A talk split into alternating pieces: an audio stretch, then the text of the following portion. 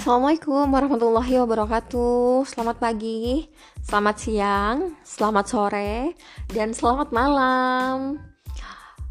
Uh, teman-teman pendengar podcast yang budiman, salam sejahtera untuk kita semua. Om Swastiastu, Namo Buddhaya, salam kebajikan. Kembali ke channel saya, Pramudia Asani. Di sini pada kesempatan yang sangat berbahagia dan luar biasa, saya akan bercerita sedikit tentang Pancasila dalam konteks perjuangan bangsa. Jadi pada kesempatan kali ini saya akan berbincang-bincang sedikit dengan teman-teman podcast Budiman, baik itu mahasiswa, mahasiswi atau pendengar umum. Jadi uh, izinkan saya berdiskusi sedikit mengenai Pancasila dalam konteks sejarah perjuangan bangsa Indonesia. Sebenarnya kalau kita kalau kita berbicara atau kita ngobrol gitu ya tentang Pancasila dalam konteks sejarah perjuangan bangsa Indonesia, uh, ternyata Yudi Latif itu tahun 2017 sudah mulai meng mengkategorikan sebenarnya persepsi seseorang, persepsi masyarakat terhadap bangsa Indonesia itu dibagi menjadi berapa golongan gitu. Ternyata ada tiga golongan, yaitu pertama adalah uh, golongan yang menganggap bahwa Pancasila, itu sebagai dogma. Kemudian yang kedua, Pancasila itu ada yang mengikirkan harus diganti gitu ya. Golongan yang ketiga itu yang melihat bahwa Pancasila itu adalah ideologi bangsa. Jadi dari tiga kategori golongan ini teman-teman kita termasuk kategori yang mana gitu ya. Ternyata kenapa pendidikan Pancasila itu penting diberikan kepada mahasiswa atau mahasiswi di perguruan tinggi adalah salah satunya itu menciptakan atau mencipta, mencetak uh, generasi muda yang memiliki moral yang baik dan mengetahui implementasi dan perjuangan bangsanya gitu ya. Oke, jadi pada kesempatan kali ini saya akan menjelaskan sedikit, cerita sedikit, walaupun nanti silakan teman-teman uh, cari lagi dari berbagai macam sumber, kemudian kita bisa diskusi lagi lebih lanjut mengenai bagaimana sih konteks uh, sejarah perjuangan bangsa Indonesia gitu ya. Oke, jadi ternyata kalau golongan pertama itu menganggap bahwa Pancasila itu adalah um, sebuah dogma di mana sebenarnya mereka itu kaum yang luar biasa karena berkorban mati-matian untuk membela Pancasila, tetapi belum memiliki pemahaman tentang Pancasila itu sendiri seperti apa gitu ya. Kalau golongan dua yang tadi sudah dijelaskan gitu ya, pengen mengganti dasar negara nggak Pancasila gitu ya. Itu karena apa? Karena ternyata mereka itu tidak menganggap bahwa Pancasila itu memiliki makna yang sangat berarti berbeda dengan golongan ketiga. Karena apa? Karena golongan ketiga itu melihat bahwa Pancasila itu bukan sekedar hanya slogan maupun dogma, tetapi dia itu adalah pondasi dari kekuatan bangsanya gitu. Karena apa? Karena dari perjalanan sejarahnya gitu ya, secara historisnya nilai atau value dari pengamalan Pancasila itu sudah lahir tidak hanya pada zaman sebelum kemerdekaan, tetapi pada masa prasejarah gitu kapan pada masa batu besar, batu tua, batu muda gitu ya, paleolitikum, neolitikum, megalitikum. Bentuknya apa? Bentuknya adalah kehidupan yang dijalani bersama-sama, teman-teman. Jadi kalau kehidupan yang dijalani bersama-sama itu kan pasti di dalamnya sal harus bisa saling memahami, menghargai, bantu membantu, tolong menolong sehingga sebenarnya value atau penerapan dari nilai sila-sila itu sudah tergambar pada masa itu gitu. Wujudnya apa sih wujud nyatanya gitu ya? Teman-teman bisa lihat banyak sekali peninggalan-peninggalan prasejarah yang ada gitu. Seperti misalnya banyak sekali. Ada stupa kemudian ada batu menhir ada dolmen gitu ya ada sarkopagus itu yang tertinggal gitu ya sebagai sebuah simbol bahwa pada masa prasejarah itu ternyata mereka itu sudah sudah sudah mengamalkan nilai sila pertama kemudian sila yang ketiga walaupun wujudnya mungkin bukan persatuan Indonesia karena Indonesia belum ada gitu ya tetapi uh, persatuan yang mereka yang mereka wujudkan persatuan kelompok mereka yang mereka wujudkan gitu. Oke. Okay. terus kepada pada masa kerajaan kerajaan sebenarnya nilai Pancasila atau nilai penerapan value dari Pancasila gitu sudah di, sudah dapat kita lihat dari peninggalan yang bentuknya prasasti terutama pada kerajaan pertama saja sudah ada gitu. Kapan pada masa di mana gitu ya pada masa kerajaan Kutai karena pada masa kerajaan Kutai yang ada pada pada tahun 400-an Masehi gitu ya ditemukan prasasti. Prasasti itu menjelaskan bahwa raja yang terkenal itu Raja Mulawarman, nama dari salah satu universitas yang ada di Kalimantan Timur. Ini di situ dijelaskan bahwa beliau itu selalu mengadakan kegiatan bersama atau biasanya di, diistilahkan kenduri gitu ya yang di dalamnya itu memberikan sedekah kepada Brahmana dan akhirnya para Brahmana itulah yang membangun prasasti sebagai tanda terima kasih pada raja yang dermawan. Sehingga di situ dilihat bahwa ternyata wujud mewujudkan kesejahteraan, keadilan itu sudah muncul gitu ya. Kemudian pada zaman Sriwijaya, di sini juga melihat bahwa ternyata uh, kerajaan Sriwijaya yang terkenal sebagai kerajaan maritim, di mana uh, kerajaan ini bisa membawahi atau menguasai um, dari Melayu atau Malaysia gitu ya hingga ke ujung Papua gitu ini menjelaskan bahwa di situ value-nya adalah mensejahterakan ke seluruh mensejahterakan seluruh masyarakat yang ada di bawah lindungannya gitu. Uh, ini ternyata juga sudah menunjukkan bahwa value dari Pancasila itu sudah ada. Kemudian terlebih pada masa kerajaan Majapahit, teman-teman pada Majapahit ini itu bahkan ada yang terkenal sumpah dari Mahapatihnya itu Gajah Mada ya tentang sumpah palapa. Di situ dijelaskan bahwa uh, Patih Gajah Mada ini akan berhenti berpuasa jikalau seluruh Nusantara takluk di bawah kekuasaan negara negara negaranya gitu ya negaranya maksudnya adalah uh, dari kerajaan Majapahit gitu. Jadi di sini menjelaskan bahwa di situ dipersatukan seluruh Nusantara. Kemudian teman-teman pada masa Majapahit ini juga akhirnya kita belajar bahwa kapan sih Panca, istilah Pancasila itu lahir gitu ya. Kita belajar dari kitab Negara Kertagama yang dikarang oleh Empu Prapanca. Kemudian uh, kalau untuk istilah Bhinneka Tunggal Ika itu ada pada kitab Sutasoma yang dikarang oleh Empu Tantular yang berisi bahwa awalnya Bhinneka Tunggal Ika Bhinneka Tunggal Ika Tanhana Dharma Mangrua yang artinya adalah walaupun berbeda namun satu jua adanya sebab tidak ada agama yang memiliki Tuhan yang berbeda. Kemudian berlanjut pada masa uh, penjajahan. Pada masa penjajahan ini luar biasa karena kita mengalami penjajahan kan lebih dari satu abad ya, tiga setengah abad kalau di, di sejarah. Pada masa ini awalnya penjajah datang itu dengan value adalah untuk menemukan kejayaan gitu ya menguasai keku menguasai dan uh, mencari rempah-rempah akhirnya datang ke India waktu karena dikira India padahal kita itu uh, jadi makanya kenapa Jakarta atau tempat berlabuh pertama itu bernama Hindia Belanda? Karena dianggap bahwa ini adalah uh, Hindia kedua gitu ya. Uh, pada masa itu ternyata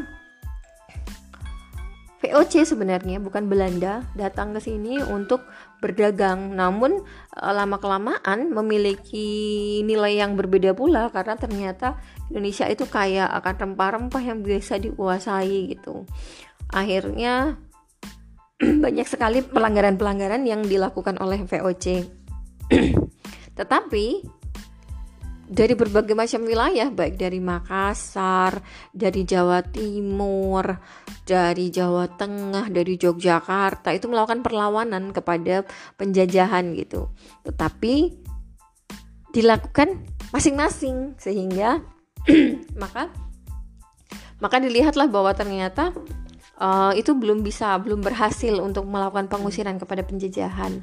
Akhirnya lahirlah masa kebangkitan nasional teman-teman masa kebangkitan kebangkitan nasional ini itu ditandai oleh apa? Ternyata berdirilah sebuah organisasi yang namanya Budi Utomo. Dipelopori oleh Dr. Wahidin Sudirohusodo pada tanggal 20 Mei 1908. Ini itu merupakan awal gerakan kemerdekaan.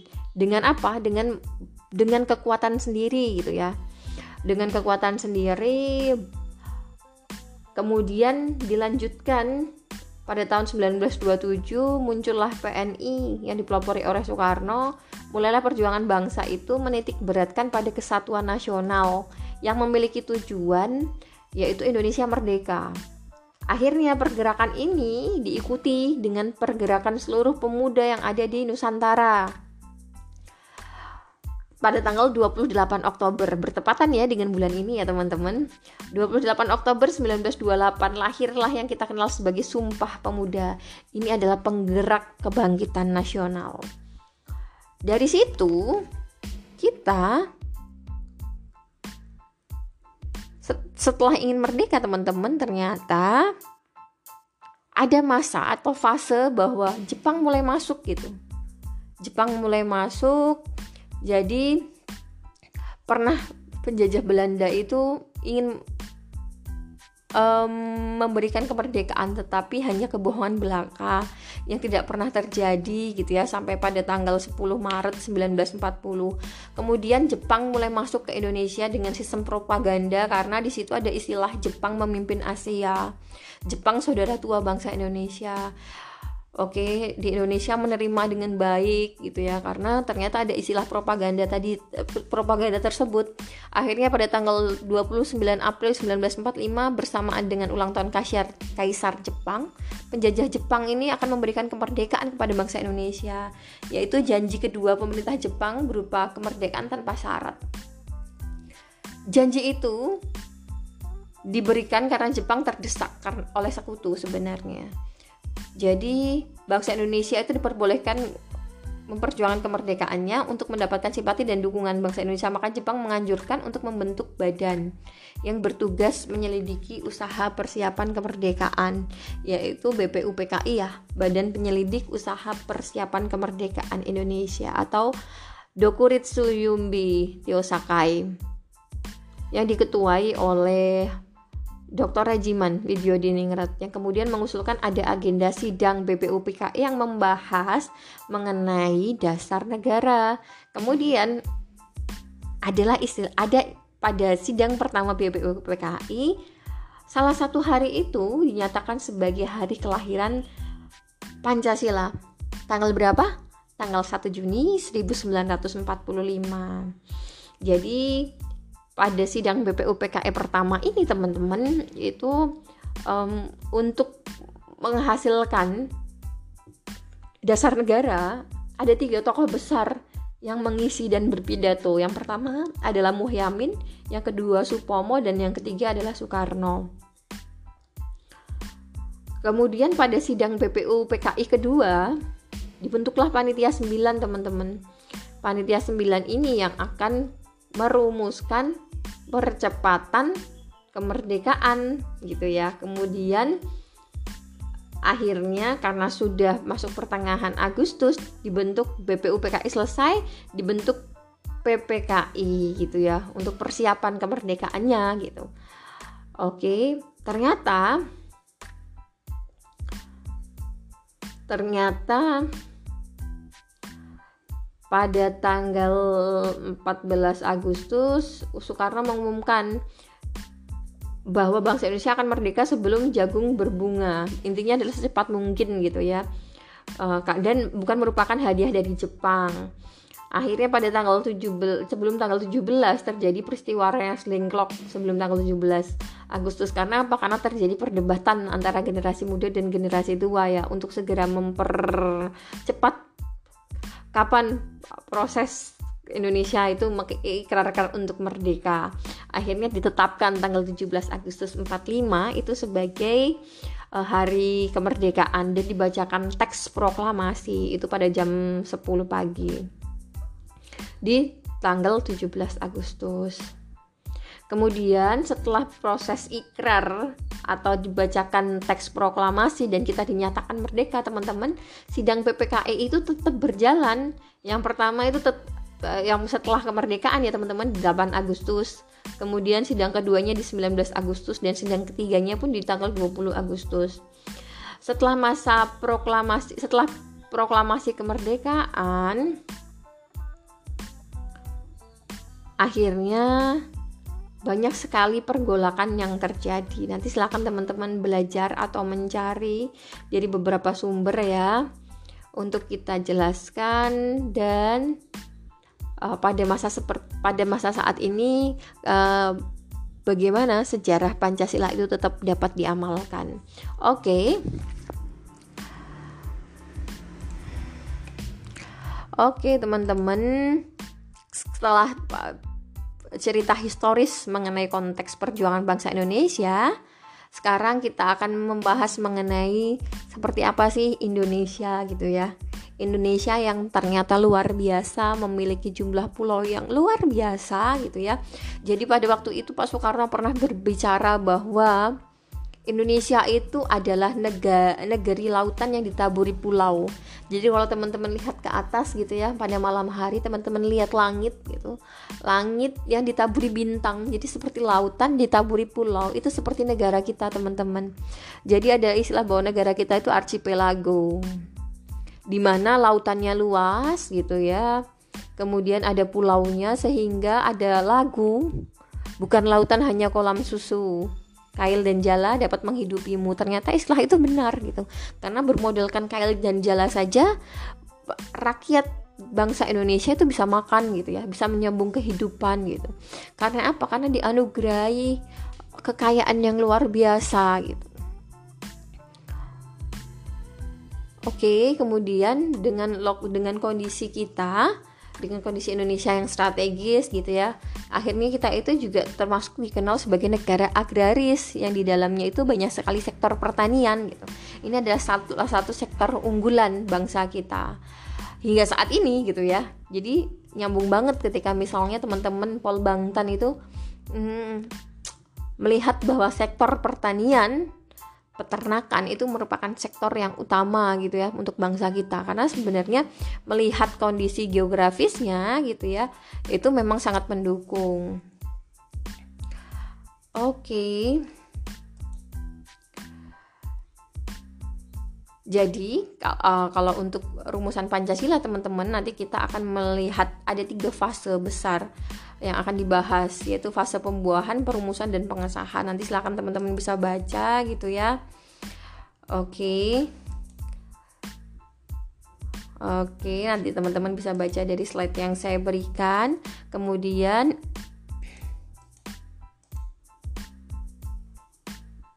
Oke. Terima kasih jika ada yang mau didiskusikan nanti silahkan teman-teman tinggalkan uh, tulisan atau note gitu ya dikirimkan ke form tugas di Siato ya bagi mahasiswa Polbangtan yang mendengarkan ini. Oke, uh, selamat beraktivitas. Uh, selamat mendengarkan podcast selanjutnya gitu ya tugasnya nanti akan saya share di Siato bagi teman-teman mahasiswa Polbangtan ya kalau untuk pendengar yang lain tidak terima kasih uh, semoga teman-teman di mana pun berada dalam kondisi yang luar biasa sehat Oke, okay, mari kita terus membaca dan mulai berdiskusi. Sampai jumpa. Selamat siang, selamat sore, selamat malam. Sampai jumpa. Assalamualaikum, Assalamualaikum warahmatullahi wabarakatuh.